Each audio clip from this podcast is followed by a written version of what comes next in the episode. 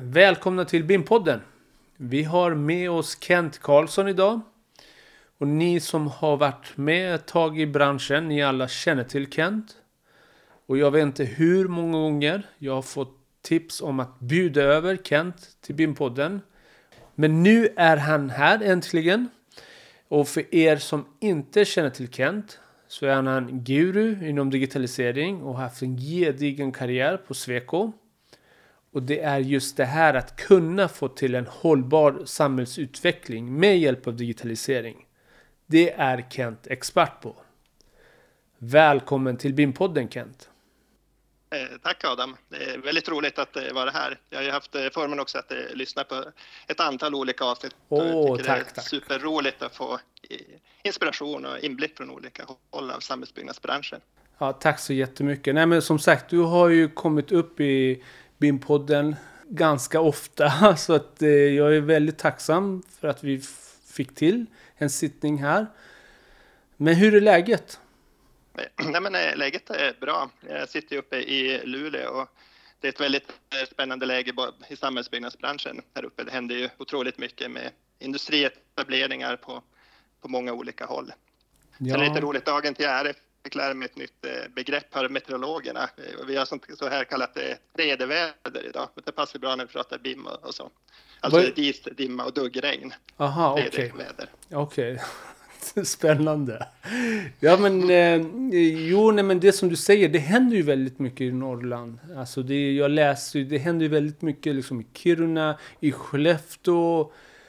Är du involverad i projekt där, alltså nu? Ja, men det, det, det, är jag. Jag jobbar tillsammans med Sweco som underkonsult och är delaktig i en del av de stora industrisatsningar som kommer här uppe. Så mm. det är ett väldigt som ett spännande läge just nu i byggbranschen och samhällsbyggnad i stort. Mm, nej, men jag förstår. Men Kent, innan vi går vidare, kan inte du börja med att berätta vem du är och lite bakgrund? Ja, men eh, precis. Jag är eh, malmfältsbo. Jag är uppvuxen i Koskullskulle utanför Gällivare, egentligen vid foten av LKABs eh, gruva i Vitåfors. Som många andra kullebor som vi kallas så hade jag en väldigt kort backhoppningskarriär. Den inföll precis 1989 när Jan Boklöv var på, på topp. Då hoppade alla back i, i kullen då. Eh, har jag flyttat till Luleå 2000 där jag mm. började eh, läsa till civilingenjör i teknisk fysik. Så att jag har varit bosatt eh, egentligen de senaste 22 åren blir det faktiskt här i, i Luleå. I Luleå, just det. Jaha, teknisk fysik. Okej, okay, men eh, sen sadlade du om eller vad, vad, hände? Ja, men precis. Det blev ett bananskal. Jag sökte sommarjobb första sommaren när jag hade pluggat. Eller det var egentligen efter jag gjorde lumpen på Jägarskolan i Kiruna som mm. Eh, det öppnades en möjlighet att börja sommarjobba på tekniska kontoret på Gällivare kommun. Så att jag började där som projektingenjör eller projektassistent eh, tillsammans med eh, Bengt Normark som var en oerhört erfaren projektledare då, som drev många olika kommunala projekt. Och det mm. tyckte jag var superspännande så att jag fortsatte fortsatte där, där, under hela studietiden. Så att jag jobbade som samhällsbyggare på somrarna så läste jag kvantfysik och partikel och kärnfysik och annat på, Åh, på vintrarna. Spännande. Så. ja, och eh, blev det, vad, vad hände efter skolan då? Efter skolan så eh, ringde Bengt och frågade om de behövde hjälp med en kontrollant. Det var en, en gammal gruva utanför Gällivare, Nautanen-gruvan. Mm. Den hade varit i drift eh, i 1900-talets början och det var en tickande miljöbomb kan man säga. Eh, det läckte ut väldigt mycket koppar så att eh, kommunen initierade ett eh, saneringsprojekt där mm. vi samlade ihop gamla slagghögar och gråberg och transporterade till Aitik, faktiskt Aitikgruvan, koppargruvan utanför Gällivare för att utvinna malmen. Så det var ett saneringsprojekt där kommunen behövde en kontrollant på plats. Så Just det. Att, då gled jag in där på kommunen igen då, det var 2005 det här. Just det. Men alltså, men jag tänker liksom så här att vad var det som Kände du inte någonstans där, nej men det, jag vill liksom hålla på med det jag eh, utbildar mig inom. Alltså vad var det som lockade dig inom samhällsbyggnadsbranschen så mycket? Eh, jag har väl alltid varit nyfiken och öppen för nya utmaningar så att jag har väl sen skoltiden så valde jag naturvetenskaplig linje för att den var bredast och kanske öppnade för störst möjligheter. Mm. Och det var mm. lite grann så jag gled in på teknisk fysik. Det var väldigt spännande och stora möjligheter. Så då, det var lite en idé också att uppleva att eh, samhällsbyggnad är väldigt spännande. Man har både de historiska perspektiven, mm. hur samhället utvecklas eh, eh, och det händer mycket hela tiden. Man får vara som en, en del i samhällsutvecklingen. Ja, nej men jag, jag förstår exakt vad du menar. Det var liksom det som egentligen också, samma här som lockade mig med. Alltså jag kände ju också typ att man vill på något sätt vara med och bidra. Alltså man vill vara med och liksom utveckla samhället och kunna vara en del av det och kunna säga att kolla här, jag var med här. Mm, absolut. Sen hamnade du på Sweco. Mm, och så var du där. Precis. Eh, det var att eh, på kommunen så var det ett tidsbegränsat eh, jobb så att när det tog slut så hade jag haft ganska bra kontakt på beställarsidan då med Sweco så att jag tog helt enkelt tog telefonen och ringde till Sweco i Luleå för att se vad det fanns för öppningar där. Mm. Så på den vägen är det. Jag började på Sweco 2006 som väg och markprojektör och VA-projektör då. Ja, just det. Och så var du där ett bra tag kan man säga. Eh, precis, jag var, var på Sweco eh, drygt 15 år. Sen bestämde jag mig att lite mitt digitaliseringsintresse eh, gjorde att jag ville prova eh, lite eh, nya vägar så att jag började på förra året på STGI i Luleå som IT-konsult och projektledare. Mm, just det. Vi ska gå in på, jag vet att du startat eget precis, eller hur? För inte mm, så jättelänge sedan. Det stämmer. Vi ska gå in på det alldeles strax, men jag tänkte fråga dig, alltså du, du har varit på Sweco väldigt länge. Alltså hur tycker du liksom egentligen alltså konsultrollen har utvecklats?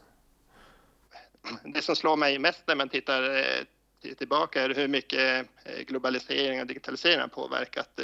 Eh, när jag började på Sweco så jobbade man i en arbetsgrupp och nästan alla kollegor var på Luleåkontoret. Mm. Det var nästan lite exotiskt om man hade samarbete med någon kollega i Umeå. Just det, Men tittar man på hur projekten drivs idag så är det nästan så uteslutande. Man har en projektgrupper med, som är utspridda runt om i hela Sverige men även också med internationella kontakter. Exakt. Det är också intressant att veta vad du tänker kring. Vad tror du om framtidens alltså teknikkonsulter? Eh, jag tror ju väldigt mycket på digitaliseringen som, man kanske, som kanske inte har eh, undgått eh, någon. Och det, det, är på gång väldigt mycket. Det bubblar lite grann. Jag skulle vilja slå ett slag för Lundqvist Trävaru i Piteå som har byggt en digital plattform där man egentligen beställer byggsatser. Du kan beställa carports och förråd där. Mm. Så att du går in, egentligen in i en webbplattform och beskriver hur, vilka, vilken kravställning du har. Hur bred ska carporten vara? Lägger in mått och du kan välja vad du vill ha fönster och vilken typ av tak du ska ha. Mm. Och så trycker du på en knapp så genererar du bygglovsritningar och du får materialspace och ett pris direkt. Så jag tror att det är den mm. typen av digital transformation, nya tjänster där man kanske jobbar mer med inspiration från andra industrier? Från, liksom. från, från andra, andra, branscher mm. till exempel. Tittar man på jag menar, bankindustrin, musikindustrin har genomgått en enorm digitalisering. Jag tror att vi är bara i början av den resan inom samhällsbyggnad. Mm. Så du tror att det kan bli mer av det då? Att vi eh. kommer bli liksom mer inspirerade av andra aktörer på något sätt? Jag tror det. Eh, jag har också förmånen att få hålla kurser på universitetet. Jag startade precis en markprojekteringsutbildning och det blir ganska slående när man berättar kanske om BIM och hur vi jobbar och försöker komma in med 3D-projektering eh, och parametrisering och annat. Och eh, den här generationen som egentligen är uppvuxen i Minecraft och annat, de funderar på men är ni inte där än? Så mm. vi har en resa att, eh, att göra. Ja. Det här studentprojektet, vad, vad är det för projekt? Är det, är det det, vad gör ni där? Eh, just det här är eh, uppdraget som jag har, eh, då är jag kursansvarig så att jag håller i föreläsningar med, inom markprojektering. Så det handlar helt enkelt om att beskriva hur man bygger upp väg och mark, kopplingar mot geoteknik och, och geologi och grundvattenfrågor och väg och VA-utformning. Mm -hmm. Har inte ni något också på gång som heter Urban Cloud? Ja, men precis, det stämmer. Här under, under våren så jobbade jag på CGI och då tog, ville vi ta in ett antal praktikanter och exjobbare. Mm. Så det slutade med att vi startade ett team på, med sju studenter som tillsammans gjorde fem olika exjobb med olika inriktning på digital hållbar samhällsutveckling. Mm. Eh, så där tittar vi lite på hur man kan utveckla geografiska informationssystem som beslutsstöd, titta lite på möjligheten att eh, publicera översiktsplaner som VMS, eller alltså karttjänster för konsumenter. Mm. Vi gjorde till, till och med så långt att vi samlade in eh, ett hundratal olika dagvattenutredningar som vi sen bearbeta med hjälp av NLP och Python-skript för att dra ut egentligen innehållet i utredningar för att egentligen kunna se kan man digitalisera eh, utredningar och skapa, skapa rapporter baserat på tidig, tidigare kunskap. Mm. En eh, kunskapsgraf. Just det. Så det är väldigt roligt att kraftsamla och se hur man kan med, med, med är ni... studentkraft just det, men, branschen. Då, det låter väldigt mycket som att då var ni väldigt mycket inom GIS bland annat. Mm. Eh, absolut, det, det har vi varit. Hur långt har ni kommit? Eh, är det projektet klart eller är det någonting som pågår just nu? Eh, projektet är klart och exjobben är redovisade, men det själva konceptet Urban Cloud som bygger på att egentligen skapa samverkansplattformar och informationsmodeller. Den idén lever ju kvar och är ju eh, har lite tankar på sig hur, hur kan man utveckla den. Och vad är det ni gör mer konkret på eh, företaget som du har startat? Vad heter ditt företag och vad gör ni? Precis, eh, företaget eh, heter Groundcon och det är egentligen kopplingar till, mina, till min tidigare bakgrund som markkonsult. Så att eh, affärsidén består av två delar. Det ena är att stötta kunder med projektledning inom multidisciplinära industri och infrastrukturprojekt. Mm, men jag vill också samtidigt eh, utveckla det här, man kan kalla det ett digitalt eh, backend. Att eh, utveckla en digital kunskapsplattform då, som stödjer mm. dels mig själv som projektledare men också kunderna. Just det.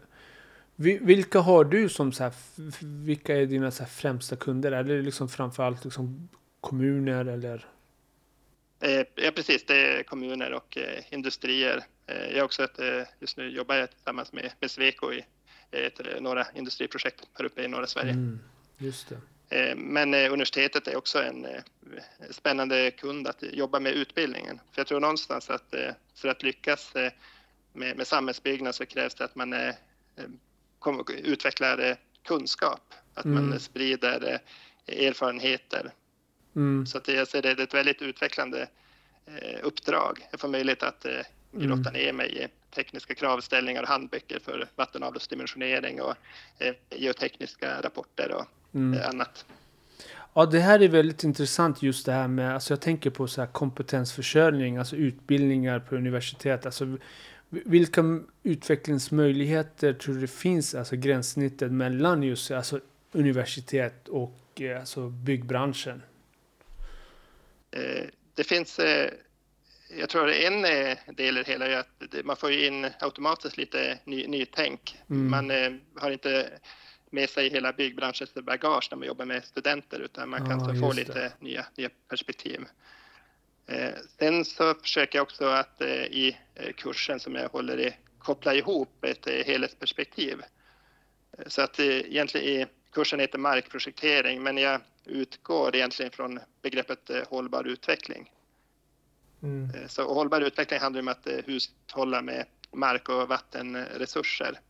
Så där kommer som markprojekteringen in med eh, infrastrukturprojektering och vatten in på ett naturligt sätt.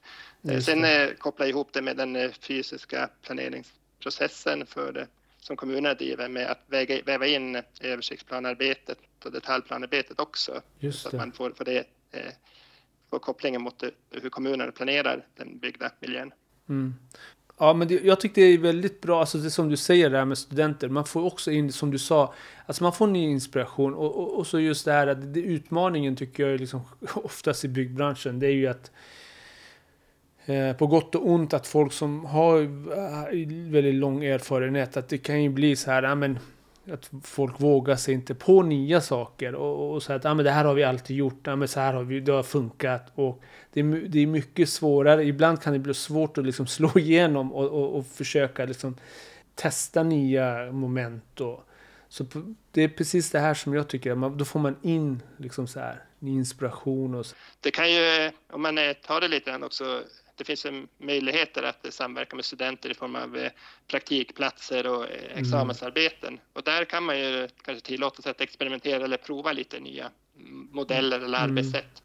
Eh, låta någon jag själv börjat utforska lite mer programmering och jag har satt mig in i Python. Och mm. genom att se möjligheterna med datadrivna skript och automatisering så mm. öppnas det stora möjligheter och just den typen av experiment och eh, tester, det kan man ju kosta på sig i, mm. i, tillsammans med studenter och eh, i olika for, former. För du är ju väldigt så här, intresserad av alltså, hela så här, programmeringen och IT har, har jag märkt. Alltså, hur, hur, hur, hur, tror du att vi kan använda det för att utveckla byggbranschen alltså mer konkret? Alltså, vad har du liksom kring tank, eh, vad har du för tankar kring alltså, programmering inom liksom, projektering bland annat? Jag tror ju att eh, genom att eh, tänka programmering, då, då är du, du tvingar dig själv att eh, bygga upp en logik i den process. Mm. Eh, tänk att man vill bygga ett en litet program som dimensionerar ett avloppsledningsnät, kanske för ett mindre bostadskvarter. Ja. Då behöver man fundera igenom att vad är det för utresultat jag vill ha och vad är det för indata jag behöver och hur gör jag själva beräkningen eller processen? Och det fina är att när man har gjort det arbetet att titta på indata och utdata, du har definierat en process, då finns ju den eh, kvar och kan återanvändas eh, modulärt i fler och fler projekt. Som programmerare eller systemutvecklare är man ju tvungen att tänka på informationsflöden. Det är ju det mm. Eh, programmering stort handlar om. Data mm. ska skickas in i en process, det ska bearbetas och du ska få ut ett, det önskade slutresultatet. Mm man skulle vilja få in, återigen med så här universitet och skolor, man skulle liksom få, vilja få in lite programmering i själva samhällsutvecklings, alltså samhällsbyggnad. Eh, utbildningarna där. Alltså kunna få mm. in och, och, och, och, lära sig lite mer och tänka lite mer på det viset. Alltså programmering och kodning och sånt. Det, det saknas Ja men absolut, jag, jag tror det skulle göra väldigt stor nytta. Mm. Om man tänker i alla projekt du har varit med om. Vilka är det mest alltså, spännande projekt du har varit med om? Eh, jag måste lyfta fram eh, stadsflytten i Kiruna där vi, mm, jag kom in i projektet redan 2013. Eh, och då stod vi där ute på, på plats. Det var ett gammalt industriområde, man såg lite gruvlavar, alltså gruvtorn. Och det var ju svårt att visualisera sig att det ska bygga byggas en eh, helt ny stadskärna. Eh, men nu är vi där och i höstas så har ju eh, Kiruna kommun invigt nya, nya stadskärnan. Så att man har byggt upp stadshus och kulturhus och nya köpcentrum och annat. Just det. Och just det projektet ger en enorm förståelse eller inblick i hela den kommunala processen. Det krävs tid för att väga ihop allmänna och enskilda intressen, ta fram mm. uppdaterade översiktsplaner och en mängd olika detaljplaner. Just det. Så det har varit ett av de eh, mest intressanta projekten jag varit med om. Mm. Faktiskt. När du blir, alltså när, när du jobbar i projekt, alltså om du är mer på alltså VA-sidan kan man säga. Försöker du involvera alltså hus också, alltså hussidan, alltså projektering för, för oss som är på hussidan. Alltså hur ser det sam samarbetet ut eller sambandet ut? Absolut, det blev, blev kanske framförallt tydligt i industriprojekt där man har verkligen alla discipliner. Man har geoteknik och mark, men man har också eh, geokonstruktioner och grundläggning och installationer. Och mm. Det finns det lite, det är både spännande men också utmanande att eh, koppla ihop de olika eh, kulturerna kan man exakt, säga. Det är olika plattformar och olika arbetssätt. Mm. Men eh, ett av de eh, initiativen som är väldigt spännande i Kiruna-projektet var att vi utvecklade plattformen Cube. Så vi Just tänkte så att om vi eh, samlar ihop all in, information så mm. kan ju den återanvändas i flera projekt och till flera olika aktörer. Så att idén byggde lite grann på att till exempel om man har detaljplaner, höjdkurvor och geotekniska undersökningar så är det mm. till stor nytta att tillgängliggöra det så att det kan användas i de tiotals olika projekten som löper parallellt. Just det. Och vem är det som, eh, vem är det som äger Kub? Det, en, det lever vidare och det används ju som ett verktyg eh, hos Sweco tillsammans med, med kunder. Där man, mm, man kan säga att det var en väldigt tidigt initiativ till en digital tvilling. Men det handlar om att man skapar en modell som flera olika aktörer och projekt kan använda och dela på. Jaha, det låter väldigt intressant. Om man startar ett projekt så, så ska man det är då man liksom använder plattformen Kub då? Eh, eller kan... Eh, ja, men, eh, precis. Och eh, styrkan med kuben som det också kallas är att ju längre man använder det och ju mer information man stoppar in desto större nytta och större helhetsperspektiv får man. Mm. Men om vi låter, tänker oss att vi skulle tillämpa idén i ett större samhällsbyggnadsperspektiv då skulle man, eh, om vi tar Kiruna som ett exempel, mm. Eh, om eh, man har en digital översiktsplan där egentligen alla grundundersökningar och flygfoton och fastighetsgränser och samhällsbyggnadsinformation finns samlat. Ja. Då kan ju Trafikverket jacka ihop sin vägplaneprocess med den kommunala informationen som redan finns. Då kanske man redan har 20-25 procent av informationen på plats och strukturerat. Just det. Eh, sen eh, jobbar man vidare med detaljplaner, men då lagrar du bara på fler och fler eh, lager. Så det man kan säga att det är en liten en dröm jag har att samla de olika processerna. Man har det ekonomiska och byggtekniska perspektivet. Man ska bygga en batterifabrik eller ett stålverk. Men mm. samtidigt så har du den här miljötekniska informationen som behövs för Eh, miljötillståndsansökningarna. Och sen har man ytterligare den här dimensionen med det kommunala planmonopolet och fysiska planeringen. Mm. Så att man samlar miljöinformation, geoteknisk information eh, och bygginformation för att eh, kunna fatta rätt beslut och utveckla ett hållbart samhälle. Är det inte så att många alltså information eller det man vill föra in, alltså kanske info från Lantmäteriet, är det, är det inte så att man, man måste betala i, för att få ta del av viss information? Hur, hur, hur, hur gör man där? Ja, men precis. Det finns väldigt många olika juridiska aspekter kring information. Mm. Eh, men det finns ju, Lantmäteriet har under flera år eh, med Malin Klintborg i spetsen drivit digitalt först och mm. där händer det väldigt mycket. Och tittar man på andra länder i Europa så ser man att öppna data och datadelning bidrar till både innovation och Exakt. en effektivare samhällsbyggnadsprocess. Ja. Så det, det, det, finns ju det finns ju ganska mycket öppen data att eh, använda redan idag. Sveriges geologiska undersökning har ju jordartskartor som mm. man kan läsa in i eh, kartplattformar. Mm. Eh, så att det finns ju dels eh, äganderätten, vem det, det, kostar ju att ta fram data och eh, organisationer som gör det. Exakt, då måste ju ersättning. Något, ja, det, då måste de ju ha. Ja. För jag tror också på att alltså, finns de tillgängliga med öppna API och liknande. Jag tror det liksom underlättar. Det blir typ som en, vad ska jag säga, alltså det, det blir som digital ekonomi. Alltså, att man kan använda, använda sig av eh, data som redan finns än att man ska eh, själv behöva lägga massa tid och resurs och ta fram någonting i, själv och liksom, det blir inte hållbart heller. Man vill ju Liksom, ja, precis. Ja. Eh, man vill ju, om man tar geoteknik som ett exempel, att istället för att eh, borra på nytt eh, så kanske man vill komplettera redan befintliga undersökningar för att kunna optimera och fatta bättre exakt. beslut. Exakt, exakt, exakt. Och det är det som är egentligen hela konceptet med BIM tycker jag, liksom generellt. Att, att kunna se de möjligheterna än att börja vid varje, varje skede man ska liksom börja från scratch och så hitta på egna grejer och, liksom, och, och, och, inte använda sig av det befintliga som redan finns. Och, och, på det viset, det gör ju också automatiskt att man samarbetar, man sammanlänkas också. Så fort du tar någon annans, alltså vi ser så här geoundersökningarna, eh, så fort du tar det, då kommer du involvera de aktörerna. Och, och, och det, mm. det, det, det, tycker jag är generellt alltså, vår utmaning i hela branschen, att man jobbar så alltså, fragmenterad. Att i, jag jobbar i min kammare och så tänker jag på vad jag ska leverera och så tänker inte jag något vidare. Ja, men vem, ska, vem är mottagaren? Eller vem har gjort det här? Eller vem ska det här delen ska till? Så jag bara mitt och så lämnar jag över.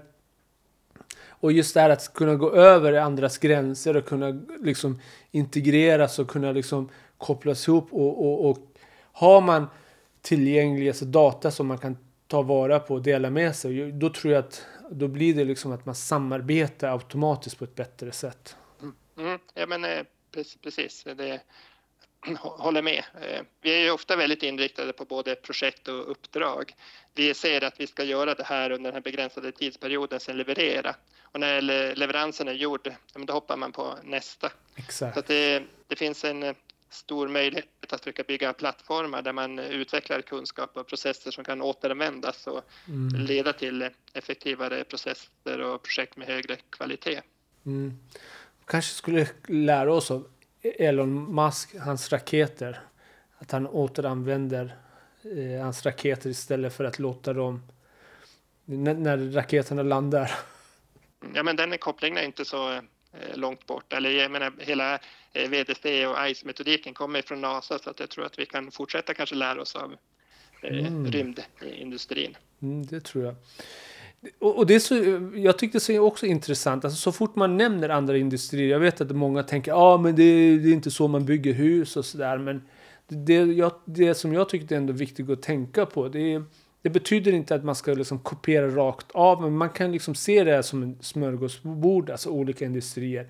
Och kanske ta med sig det som gynnar en eller passar en. Du behöver inte liksom kopiera rakt av, men kanske bli inspirerad och motiverad och se liksom hur gör de det här då? Hur, hur kan vi förbättra vår logistik? Hur kan vi förbättra det? Vad, vad, vad gör till exempel bilindustri med, med, der, med deras liksom, eh, logistik?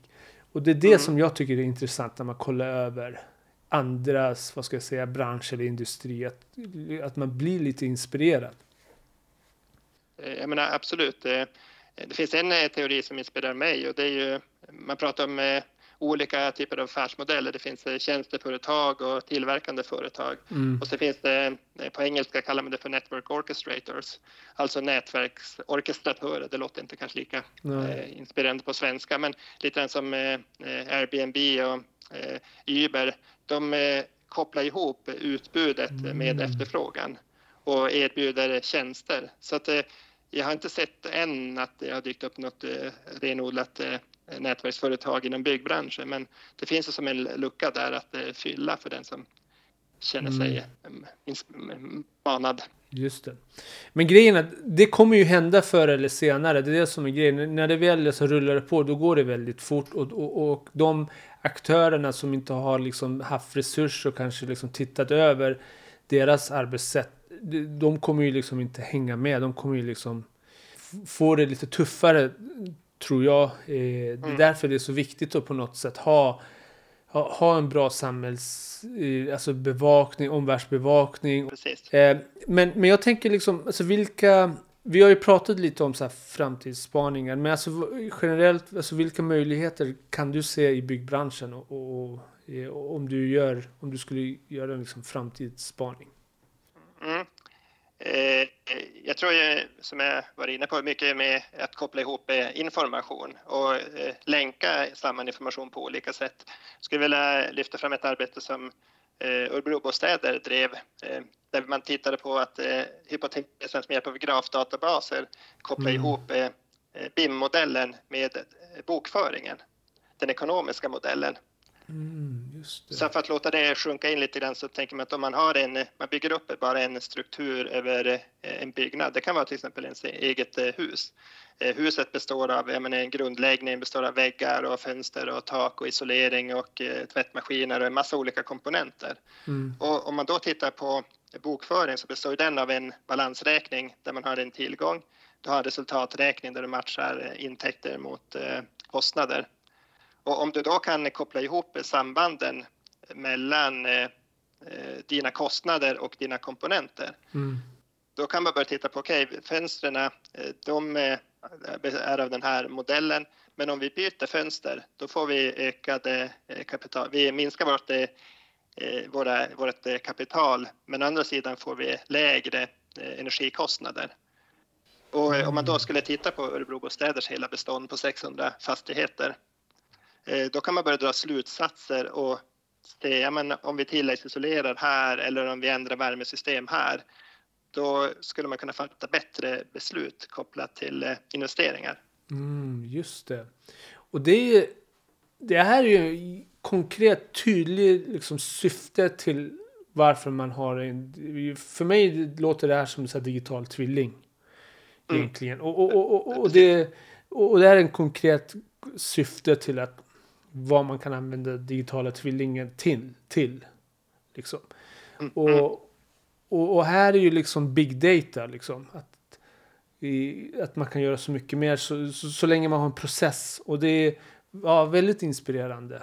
Mm. Och eh, där kommer vi lite, nu är jag tillbaka i cirkeln sluten för att det finns ju lite mm. olika inom statistisk mekanik och termodynamik i fysik så finns det en, man kan jobba med en Monte Carlo-metod heter där man egentligen slumpar ut ett eh, tillstånd i en atomstruktur. Nu är det länge sedan jag läste så det kanske inte är helt mm. så det är, men det är i alla fall min, min bild av vad jag läste ja. för 20 år sedan. Och att om, om du då slumpar ut egenskaper på hela ditt eh, bestånd, ditt fastighetsbestånd, då kommer ju varje komponent egentligen, i genomsnitt så har du ju rätt egenskaper. Men så fort du börjar mäta i en byggnad, då får du bättre medelvärdesdata på resten av byggnaderna. Och allt, och så att du behöver inte mäta allt, men du kan påföra mer och mer data eh, för att kunna fatta bättre beslut. Mm. Ja, men jätteintressant. Men vad tror du om AI då? Alltså, eh, vad, ja, men det, det är lite där? nästa steg, att om man skapar informationsmodeller och strukturer för hur samhället är uppbyggt, då kan man ju göra den här typen av eh, avancerade statistiska mm, analyser som AI till stor del handlar om. Att mm. man kan se att de här, den här typen av byggnader byggda på 60-talet har den här energiprestandan.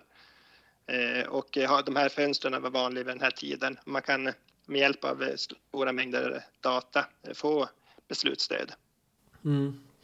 Ja, men Som egentligen kan svara på eh, frågan eh, om man har en miljon och du har 600 fastigheter, vad ska du, vad ska, vad ska du göra med en miljon? Det är egentligen det underhållsplanering handlar om. Men det är väldigt svårt mm. att med annat än magkänsla idag svara på den frågan. Just det. Nej, men jag, jag, jag, tror det finns många kommuner som ligger alltså, generellt alltså, i, i framkant och försöker liksom, se alltså, väldigt bra samband med och, och, och eh, effektivisera många av deras processer. Jag vet att eh, till exempel Helsingborgs kommun också i deras fall använder de mycket så sensorer och liknande för att effektivisera bevattningssystem. Det är väldigt inspirerande tycker jag att alltså, se hur de för att det är inte så ofta man hör Oftast är det liksom företag, alltså byggbranschen generellt som försöker liksom hitta nya arbetssätt. Det är inte så ofta man läser och hör någonting om kommunens eh, mm. arbete Nej. kring eh, digitalisering generellt och, och, liknande. Så ibland när jag hör det så blir jag liksom så inspirerad och, och försöker få in just här i BIM-podden. Jag har ju haft några kommuner. Mm.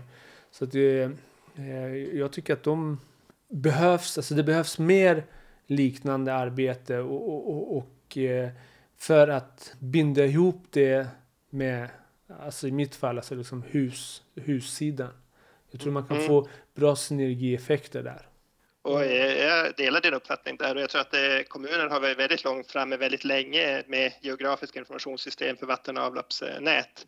Eh, det har funnits Eh, om man pratar digitala tvillingar, så redan när jag sommarjobbade för 20 år sedan så kunde jag vara ute med en eh, gammeldags eh, handdator mm. och inventera vatten och avloppsbrunnar. Jag kunde ha tillgång till VA-nätet mobilt. Just det. Och kommunen har länge haft strukturer så att det är väldigt viktigt att när man bygger om avloppsnätet så mäter man in det, man lagrar det i en databas. Så mm. jag tycker att man det finns väldigt mycket att lära av hur kommuner jobbar med mm. vatten och, förvaltning av vatten och avloppssystem. Ja, men jätteintressant. Eh, jag tänkte Kent, vi ska börja avrunda lite. Eh, om, har du någon du skulle vilja höra eh, i din podd? Jag var ju för, pitchade ju det här lite grann tidigare för Samuel Holmström på Lundqvist trävaror. Ja, just det. Det skulle vara superspännande att se hur den resan, höra mer om den resan från eh, traditionell snickeri till lite grann av ett eh, Google för byggbranschen. Mm, oj, det låter jätteintressant.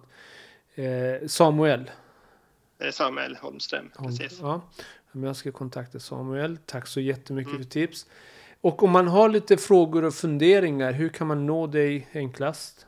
Eh, enklast är ju att eh, connecta på LinkedIn. LinkedIn det är en väldigt eh, bra plattform, bra plattform att ja. Kommunicera och hålla sig uppdaterad ja, på vad som, vad som händer i byggbranschen och samhället i stort. Ja, men jättebra. Ja, men då så Kent. Då får jag tacka så jättemycket för att du tog dig tid och gästade BIM-podden. Och eh, jag vill passa på att önska dig lycka till med ditt arbete.